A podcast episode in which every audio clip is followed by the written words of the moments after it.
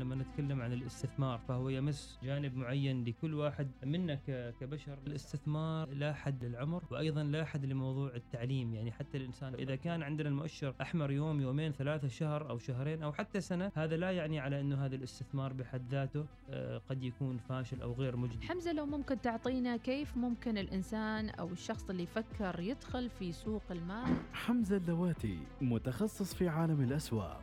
يلتقيكم عبر الوصال كل اثنين واربعاء والحديث عن أسواق المال العالمية وكيفية الاستثمار فيها. الأسهم الأولى مع حمزة اللواتي ومديحة السليمانية. الأسهم الأولى يأتيكم برعاية الهيئة العامة لسوق المال الاستثمار الواعي. أمان ونماء لمدخراتك. وبرعاية بورصة مسقط بورصة الفرص.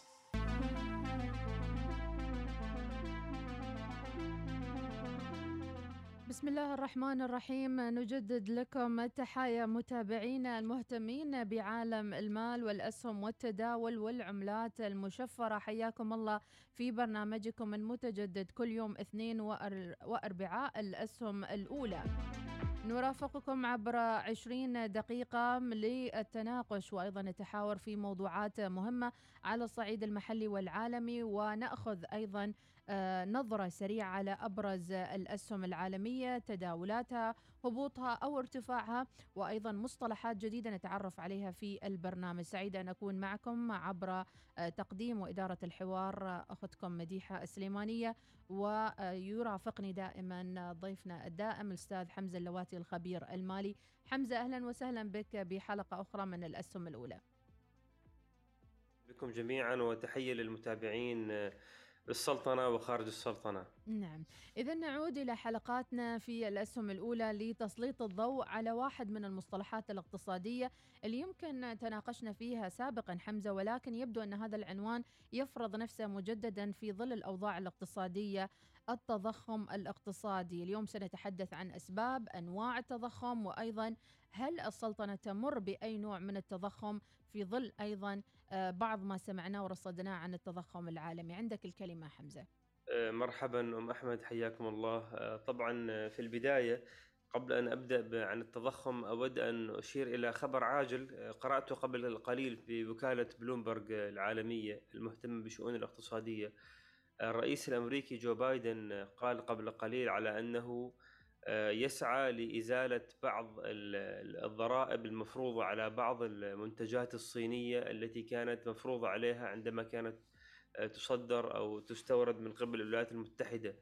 وهذا طبعا خبر آه، جيد جدا وله إن شاء الله تبعات إيجابية على الأسواق وبالذات على الأسهم الصينية. آه، نرجع لموضوعنا التضخم. أم أحمد أكثر كلمة نسمعها الآن يوميا من كل المحللين الاقتصاديين والماليين في الأخبار هي على إنه الأسواق المالية العالمية مثلا منهارة أو تهبط بفعل مخاوف التضخم، ما هو هذا التضخم الذي أدى إلى مثل هذه الانهيارات الكبيرة للاقتصادات العالمية وكذلك للأسواق المالية العالمية، طبعا بكل اختصار نحن سبق أن تكلمنا عنه سابقا. التضخم هو ارتفاع في قيمة أسعار كثير من السلع والبضائع آه، الأساسية وحتى غير الأساسية. وبالمقابل هو عبارة عن أيضا انخفاض في القوة الشرائية لدى الناس.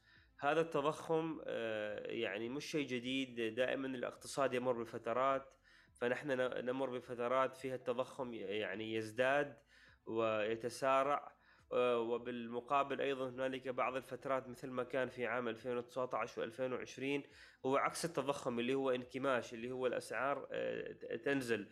دعونا دعونا نعرج مباشرة على أهم الأسباب للتضخم الذي نحن نشهده حاليا. ما هي الأسباب التي فعلا يعني جعلت آه، الأسعار في كل مجال ترتفع بهذه الطريقة؟ أنا أستطيع أن ألخص الأسباب إلى عدة يعني محاور. المحور الأول والمهم يا أم أحمد هو إنه نحن شهدنا فترة ركود اللي هي 2020 2021 العالم كان كله في حالة من يعني الوباء العمل عن بعد. السفر كان تقريبا من الأمور المستحيلة آنذاك. لذلك العالم كان يعني منكفأ عن كثير من آه، من رغبات المتسوقين في السفر وغيرها. وحتى في موضوع البناء وغيره. آه، نجد على أنه بعد انتهاء الجائحة في مطلع عام 2022 مثل ما تقول يوم أحمد عبارة عن سد. هذا السد كان مليان بالماء وفجأة فتحت باب السد. وش اللي صار؟ صار عندك تدفق كبير. هذا التدفق صار للطلب. يعني أصبح الجميع يريد أن يسافر أصبح الجميع عنده حالة من هستيريا التسوق والشوبينج. أصبح الجميع يعني يريد يعمل بعد سنتين من الحرمان يريد يعمل كل شيء. هذا الشيء أدى إلى ارتفاع الطلب مرة واحدة بشكل غير مسبوق إلى معدلات عالية جدا. طبعا ارتفاع الطلب هو شيء جيد بشكل عام للاقتصاد، يدل على انه الاقتصاد قوي، يدل على أن هنالك سيولة مالية، ولكن الذي حصل على انه هذا الطلب زاد مرة واحدة في مقابل على أنه لا زالت دول صناعية كبيرة غير قادرة على أنها هي تتسارع مع تقديم العرض الكافي لموافاة هذا الطلب. نعم. يعني على سبيل المثال حتى في 2022 عندنا الصين اللي هي أكبر دولة منتجة وصناعية في العالم هذه الصين آه، يعني مرت بلا زالت في إغلاقات مستمرة في آه، بسبب وباء آه، كورونا فأنت عندك طلب كبير بالمقابل دول صناعية كبيرة مثل الصين ما قادرة أن هي تنتج بالشكل الذي كانت تنتجه قبل أزمة كورونا. هذا أدى طبعا إلى رفع الأسعار نتيجة المعادلة الاقتصادية المعروفة. طلب طلب ديماند أعلى من العرض. الطلب أكثر من العرض بالتالي ترتفع الأسعار. هذا اولا ثانيا محمد التضخم أيضا يحصل بسبب ارتفاع في تكاليف الإنتاج. مثلا أجور العمال مثلا مواد الخام سواء كانت مواد طاقة بنزين ديزل غيرها. نحن شهدنا ارتفاع في أجور العمال وهذا الارتفاع في كثير من الحالات كان نتيجة أخطاء آه، سياسية وأخطاء اقتصادية ارتكبتها أنظمة تلك الاقتصادات، يعني مثلا في أمريكا على سبيل المثال، في أمريكا نعم. آه لو تتذكرون آه، في نهاية أيام دونالد ترامب الرئيس السابق وكذلك في بداية أيام آه، جو بايدن. الحكومة الفيدرالية الأمريكية قامت بعمل حركة، هذا الحركة أثرت كثير. هو عبارة عن منح آه، شيك لكل مواطن أمريكي ربما بقيمة 2000 أو 3000 دولار. فكانت الولايات المتحدة الأمريكية هكذا تطبع النقود بالدولار وتوزعها على كثير من السكان. آه، ناهيك على أنه في تلك الحالة أيضا في, في, في, في تلك الفترة أيضا الفيدرالي الأمريكي البنك الفيدرالي الأمريكي كان يستثمر كثيرا في العملات والأسهم وكل الأسواق المالية المسيلة في العالم. وهذا كان رافع الأسعار. وش اللي حصل نتيجة لذلك؟ كثيرين من الأمريكان بالذات الشباب كانوا عندهم عزوف عن العمل بالمقابل لأنهم كانوا يحصلوا على شيكات مجانية من الحكومة للأموال. وكذلك كانوا يضعوا كثير من مبالغهم أو مدخراتهم في أسواق المال. لأنه يقول لك يا أخي أنا خلال شهرين ثلاثة أشهر أدخل مثلا في سهم معين أو في عملة مشفرة وترتفع 100% أو 200% لماذا أعمل ثمان ساعات؟ كانت هذه العقلية شائعة عقلية العمل آه، من المكتب من البيت دون العمل الحقيقي يعني. آه، فهذا أدى إلى هذا التكون هذه الفقاعة وهذا أدى أيضا ساعد إلى إلى ارتفاع التضخم لهذا المعدلات إلى أن انفجرت هذه الفقاعة ولكن بقي التضخم. فهذا أيضا عامل مهم ونستفيد من التجارب كيف مرات إنه يعني زيادة الرواتب آه، في بعض القطاعات أو مثلا أو مثلا إعطاء بعض المحفزات أكثر من اللازم آه، في أي اقتصاد قد يكون لها مثلا عوائد سلبية. يعني أنت الآن مثلا في أمريكا هم نعم أعطوا شيكات بقيمة 2000 أو 3000 دولار لا أذكر المبلغ ولكن ما قيمة هذا ال 2000 دولار مقابل التضخم اللي واصل إلى 9% أو 8% في الولايات المتحدة الأمريكية سنويا. فطبعا قيمة المبالغ قيمة الأموال قيمه القيمة الشرائية للاموال انخفضت كثير. نعم. نرجع إلى موضوع النفط. النفط أيضا يعني ارتفع بشكل كبير نتيجة تزايد الطلب عليه نتيجة أن الاقتصادات العالمية بعد فترة من الركود تحركت حركة الطيران حركة النقل وغيرها. وتسمى هذه وكذلك السنة, سنة نعم. التعافي نعم 2022 سنة التعافي للجميع. تعافي من ناحية ومشكلة من ناحية أخرى. فارتفع النفط بشكل كبير. ولكن صح. هل ارتفاع النفط يوم أحمد فقط بسبب الطلب الكبير في اعتقادي؟ لا. ارتفاع النفط أيضا بسبب بعض السياسات الغير معقولة من قبل من قبل جو بايدن اللي هو مثلا في موضوع البيئة يقول لك نحن مع الطاقة المتجددة ومع الطاقات البديلة وإلى آخره. مما جعله يتخذ بعض الإجراءات والقوانين التي هي تصعب على منتجي النفط التقليدي. يعني مثلا في موضوع التمويل المالي لتلك لتلك الشركات أغلق بعض الحقول آه، النفطية صعب موضوع حتى النفط في داخل أمريكا فهذا أيضا أدى إلى قلق نعم. وإلى رفع أسعار النفط فالآن نعم. بإمكان مثلا الولايات المتحدة الأمريكية دون الضغط على دول أوبك بلس أنها تقوم بتخفيض أسعار النفط فقط من خلال تغيير هذه السياسات نعم. هذه السياسات التشاؤميه والنظرة السلبية تجاه النفط اللي أخذها الحزب الديمقراطي الأمريكي اللي هو جو بايدن طبعا فاز بأصواتهم آه، يعني أدت إلى أنه يرتفع النفط بشكل آه، غير مسبوق إلى أن وصل إلى 120 وبعض البنوك تقول على أنه النفط ممكن يوصل هذا السنة إلى 185 دولار 185. طبعا هذا الشيء مفيد للدول النفطية ولكن هذا الشيء لازم ندرك أنه هو مؤقت لن يستمر آه، لمدة يعني طويلة. طيب حمزة دعنا بس نقف على بعض الأرقام المهمة اللي ذكرتها يعني إحنا تونا خارجين أيضا بالمناسبة نبارك لسلطنتنا الحبيبة آه، الإعلان الرسمي يوم أمس عن آه، رفع الاحترازات وعودة الحياة الطبيعية وأيضا رفع الكمامات مع أخذ ببعض الاحترازات بالنسبة للي يعاني من بعض الأعراض وغيره ولكن بعد سنتين ونص تقريبا رسميا سلطنة عمان تعلن انتهاء الجائحة تقريبا أو أنه تجاوزناها برفع الاحترازات المختلفة. بين يدي الآن آه، نشرة الخاصة بالمركز الوطني للإحصاء والمعلومات تبين ارتفاع نسبة التضخم في سلطنة عمان في إبريل 2.7 وارتفاع مؤشر أسعار مجموعة الزيوت والدهون 14.9% ومحافظة شمال الباطنة تسجل أعلى معدل للتضخم.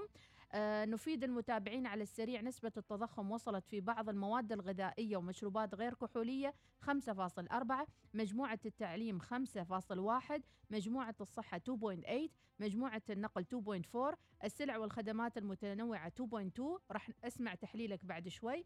السكن والمياه والكهرباء والغاز وأنواع الوقود 2% الثقافة والترفيه لازالت 1.4 آه، المطاعم آه، والفنادق 1.2 مجموعة ملابس وأحذية 1.1 مع أن إحنا في العيد حسينا في تضخم شوي بس ما أدري شو السالفة.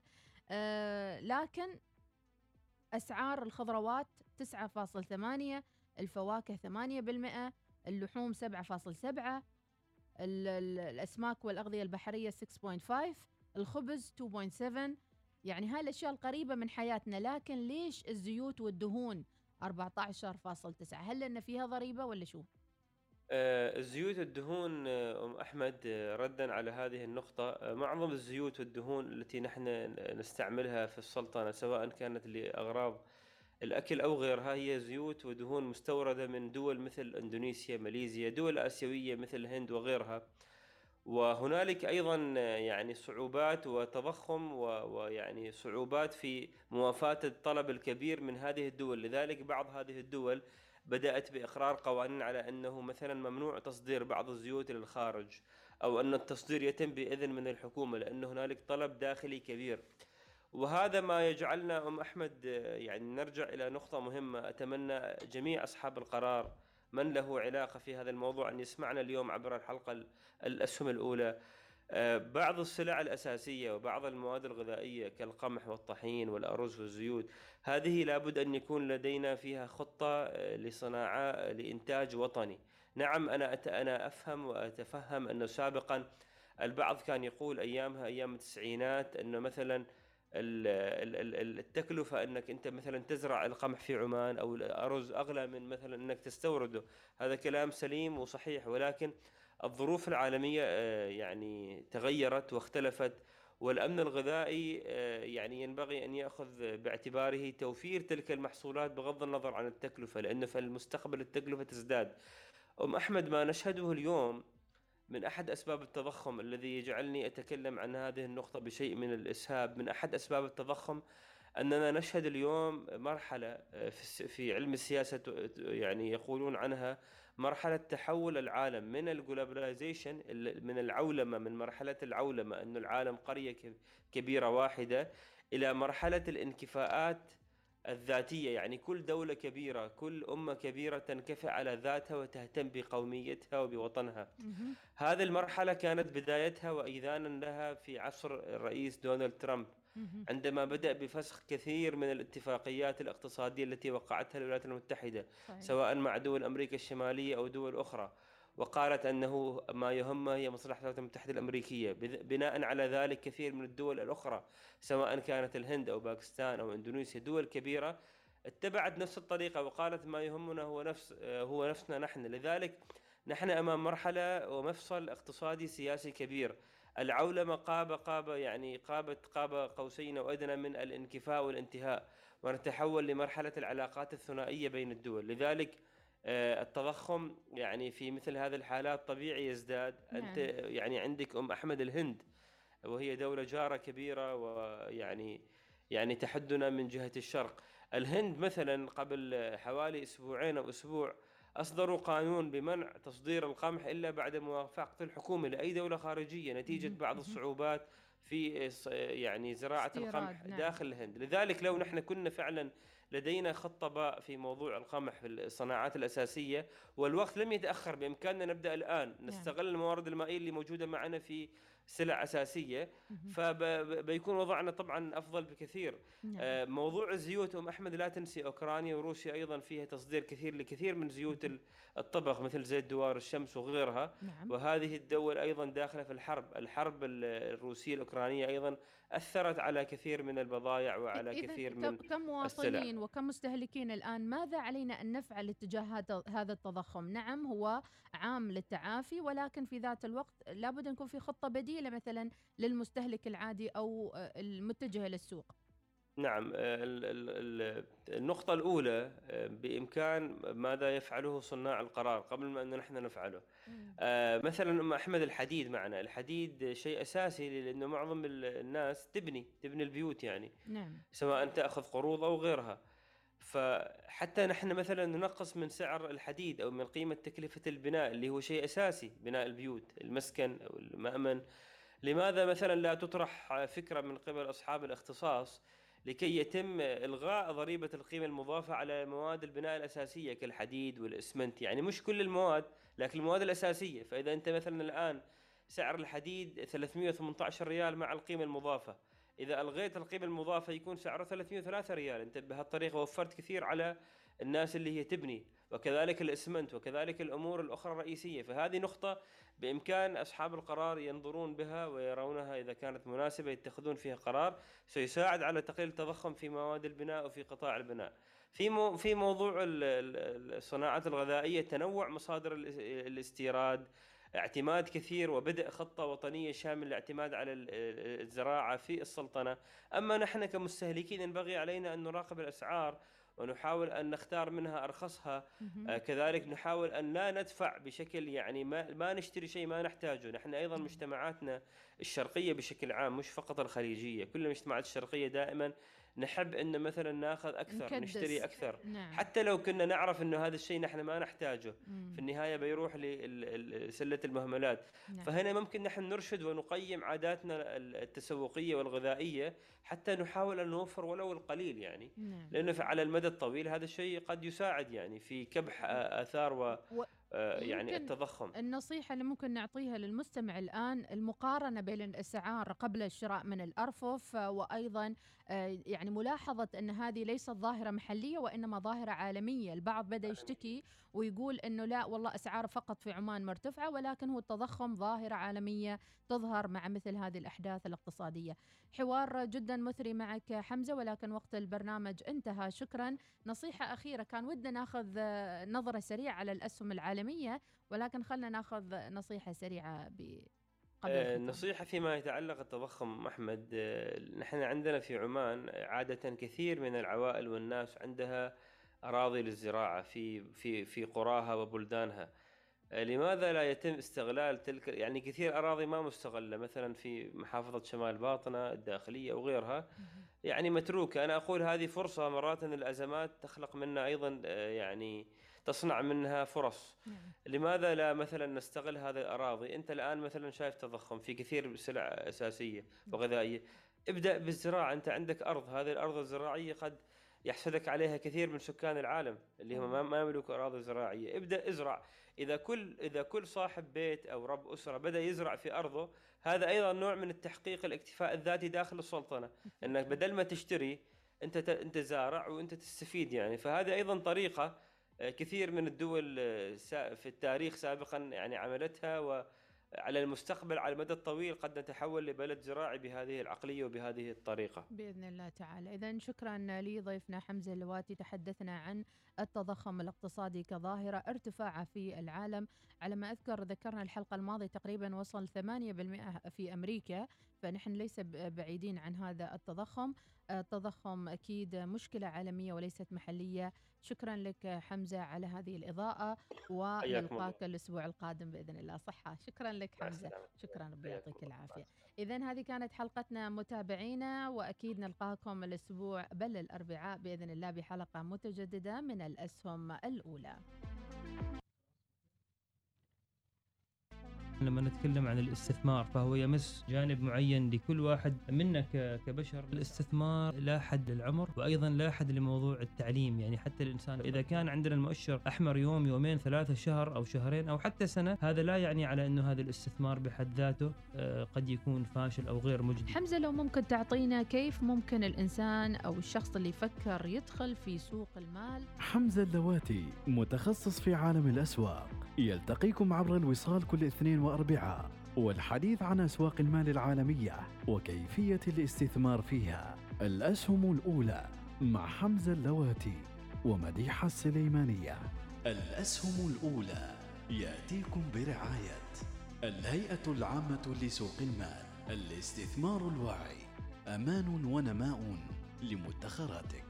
وبرعاية بورصة مسقط بورصة الفرص.